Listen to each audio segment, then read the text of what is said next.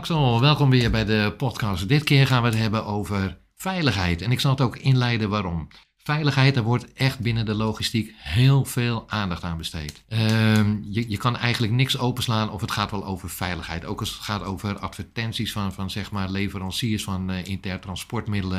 Die hameren ook allemaal op veiligheid en noem maar op. Waarom is veiligheid zo belangrijk in de logistiek?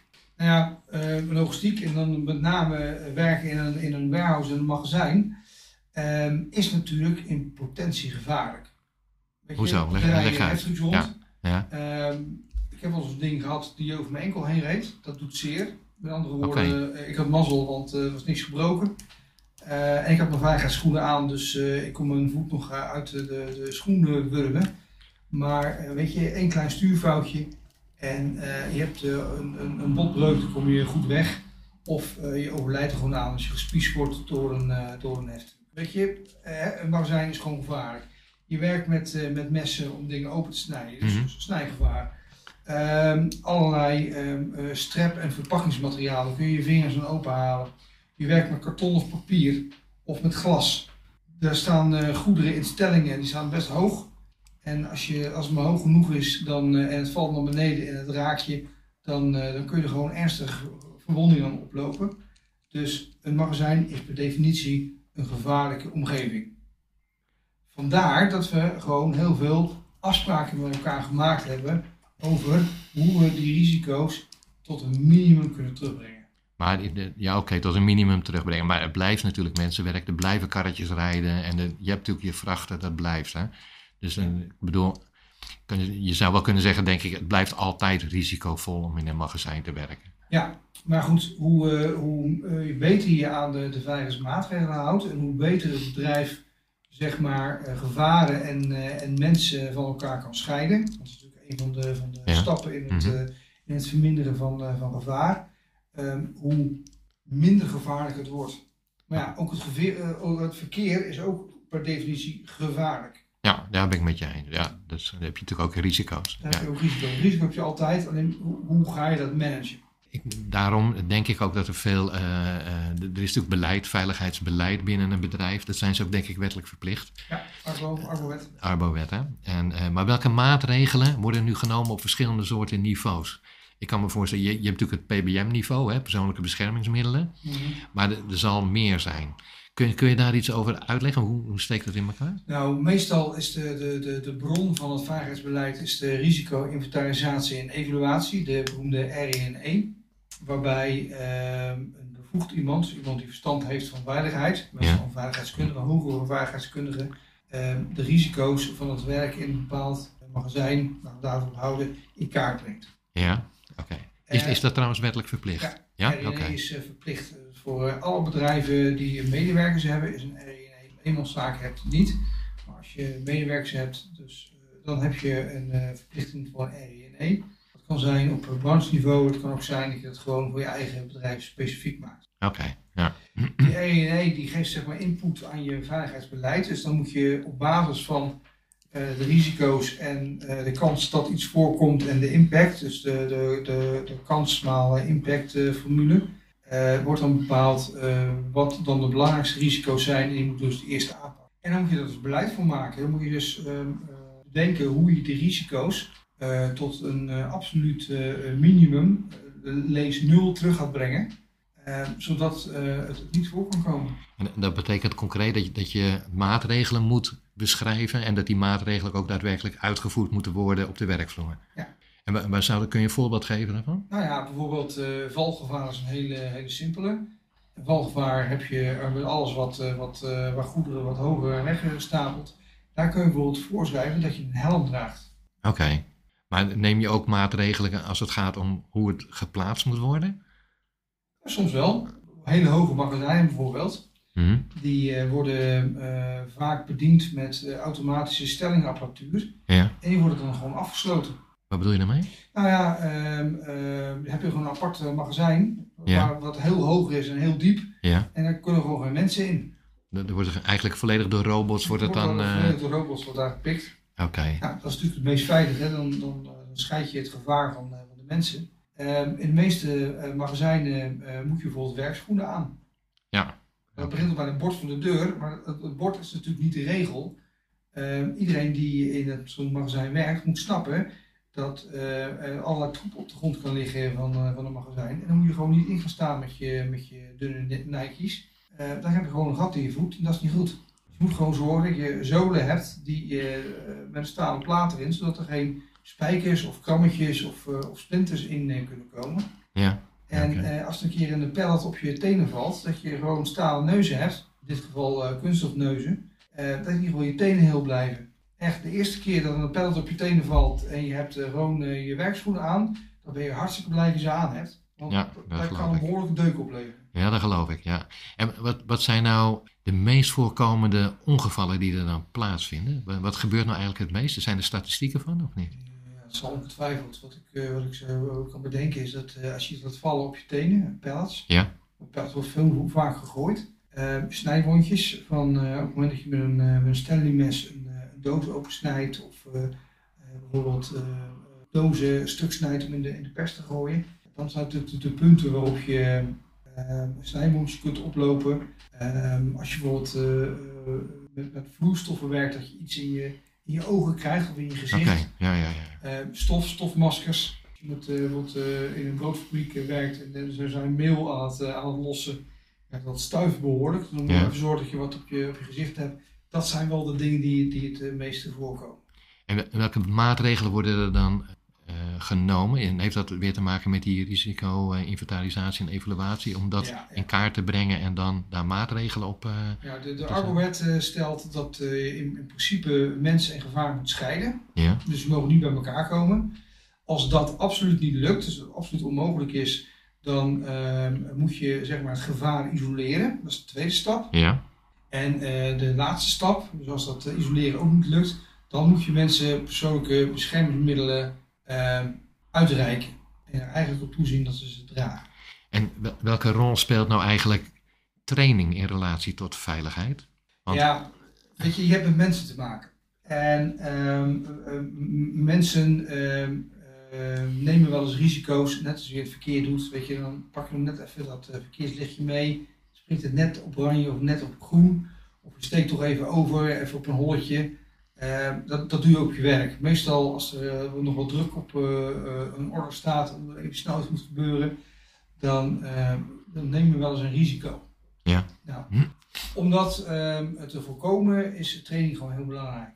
Dat je mensen gewoon aanleert dat, ook al is het heel erg druk, dat je toch aan de veiligheidsregels moet houden en maatregelen ja, weet je, uh, het is mij nog nooit gebeurd, maar het zou je maar gebeuren dat je als leidinggevende uh, bij uh, iemand op de stoep staat, en diens vader, moeder of, of betere wederhelft moet gaan vertellen dat ehm, ja, hun geliefde een ongeval heeft gehad. Ja, ja, verschrikkelijk. Ja, ja, ja, ja.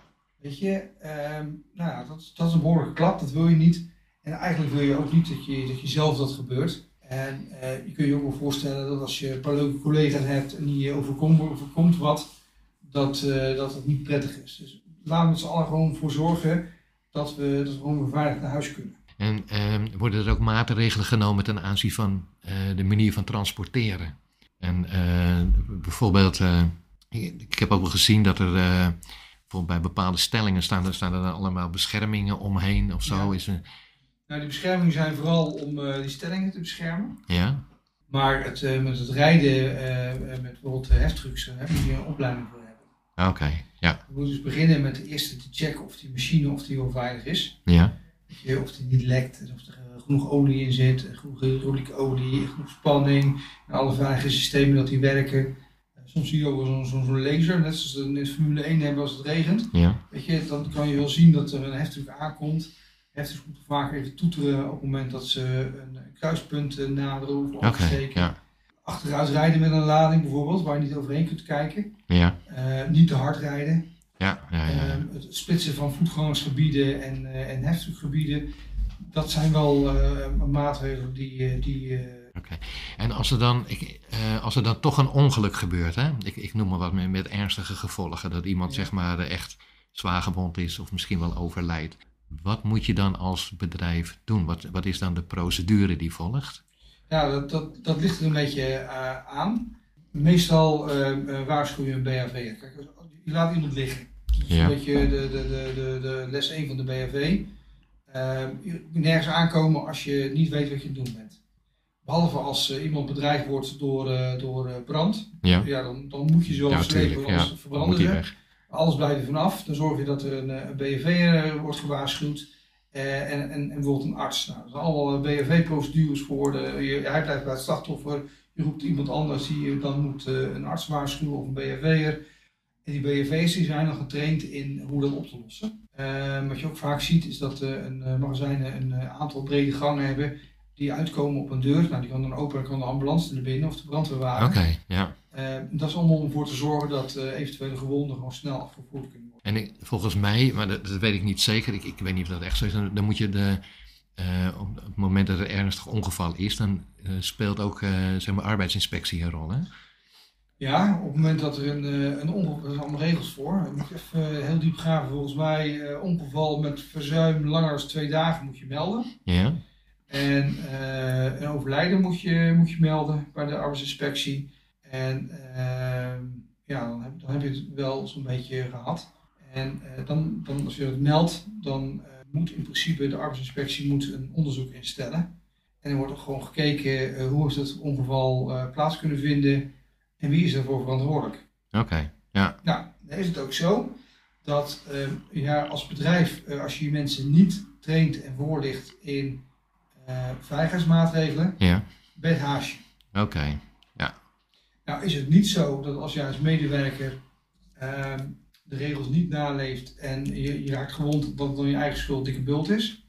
Maar dan wordt het wel wat meer persoonlijk aangerekend. Als je een aantal keren wordt aangesproken op onveilig gedrag en er gebeurt eens een keer wat, ehm, dan, ja, dan wordt het toch wel lastig om eh, dan je werkgever aansprakelijk te stellen voor, eh, voor jouw verwondingen. Oké, ja, daar kan ik me iets bij voorstellen. Dus eh, het is niet ehm, eh, zonder gevolg, zeg maar. Het niet nakomen van het, de, de veiligheidsregels is, is, niet- is niet zonder risico. ja oké. Ja, duidelijk. Oké. Ja, dan, dan heb je denk ik altijd nog het, het dus zo, zo ervaar ik dat in ieder geval, het verschil tussen, je hebt enerzijds heb je al die veiligheidsborden en, en eh, weet ik veel wat, oproepen tot veiligheid, er zullen waarschijnlijk toolbox meetingen zijn. Ja. Maar wat is nou echt het allerbelangrijkste als het gaat om je eigen veiligheid? Waar Ja. draait het om? Veilig handelen. Kijk, die, die borden en die regeltjes die zijn er eh, om, eh, om eh, richting te geven aan wat je moet doen en vooral wat je moet laten. Ehm, maar ja, als mens beslist zelf of je het wel of niet doet. En als jij beslist het niet te doen, dan, dan loop je gewoon een groot gevaar en een groot risico. Dus borden en regels, leuk. En heel veel mensen, ik zelf af en toe ook wel vinden dat een beetje irritant. Dat je wordt constant verteld wat je moet doen en wat je moet laten. Eh, en net zoals mijn moeder tegen me zei eh, vroeger, het is voor je eigen bestwil. Ja, dat weet ik. Maar toch is het zo dat je eigen gedrag bepaalt of je veilig werkt of niet. Eh, je veiligheid is ook bepaald door de mate waarin jouw collega's zich veilig gedragen. Oké. Dus je hebt aan de ene kant je eigen component. Als je jezelf onveilige dingen doet, dan kun je gewond raken. En als jij je aan de veiligheidsregels houdt en je collega niet, dan kun je ook gewond raken. Dus het is gewoon belangrijk dat je met elkaar eh, tot de conclusie komt, we werken veilig. En wie, wie is daarvoor verantwoordelijk? Is dat de teamleider? Ja, ik zou zeggen, dat ben je zelf. Ben je zelf? Ja, ja. En de teamleider moet eh, erop toezien en eh, als het niet goed gaat, daar mensen op aanspreken. En een goede voorbeeld geven. Maar in principe ben je zelf verantwoordelijk voor je veiligheid. Ja, ik weet niet of het, echt, of het echt in juridische zin zo is. Nee, maar ik bedoel ook niet juridisch. Hè? Het maar gaat gewoon- echt. Het begint echt bij jezelf. Het begint bij Ja. je eigen gedrag. En als jij het goede voorbeeld geeft eh, en je collega's geven het goede voorbeeld, dan zijn degenen die ervan afwijken snel geneigd om ze toch netjes te gaan gedragen. Je bent gewoon verantwoordelijk voor je eigen gedrag. En ehm, maak jezelf ook een beetje verantwoordelijk voor het gedrag van je collega's. Als mensen echt eh, dingen doen die gevaarlijk zijn voor zichzelf of voor anderen, eh, zeg er gewoon tegen. Weet je, een baas wordt altijd gelijk even zwaar. Elkaar gewoon even, even zeggen van joh, luister, ik snap dat je het doet, zou ik ook eh, wel overwogen hebben. Maar doe het nou even niet, maar als het fout gaat en het gebeurt bij mij, heb ik een probleem. En jij hebt een, een, een rotgevoel. Dus eigenlijk zou je kunnen zeggen: er zijn maatregelen, er is beleid, maar blijf vooral zelf kijken, blijf vooral zelf alert en hou rekening met je eigen veiligheid en de consequenties van jouw handelen ten aanzien van de veiligheid van anderen. Ja. Daar komt het eigenlijk doe je die voor jezelf, Ja. doe het nog maar voor een ander. Ja, oké. Nou, ik denk dat, eh, nou, dit is denk ik wel de belangrijkste eh, boodschap van dit verhaal. Zullen we het hierbij laten? En eh, Ja, zullen we daar eens goed over nadenken? Maar eh, het, is vooral iets waar je even, even over na moet denken. Daar moeten we even goed over nadenken. Oké. Heb je nog een wijs woord, een laatste wijs woord om mee te geven? Ja, werk veilig, eh, begin bij jezelf. Kijk in de spiegel en ze roepen elke morgen van eh, de veiligheid begint eh, met de persoon in deze spiegel. Oké. Ik zie ook vaak stikte spiegels in bedrijven trouwens. Oké. Ja, dat vind ik een mooie. Ja, laten we het daarbij houden. Oké. Goed zo. Nou, dankjewel. Ja, graag gedaan. Oké, tot ziens weer. Hoi. Hoi.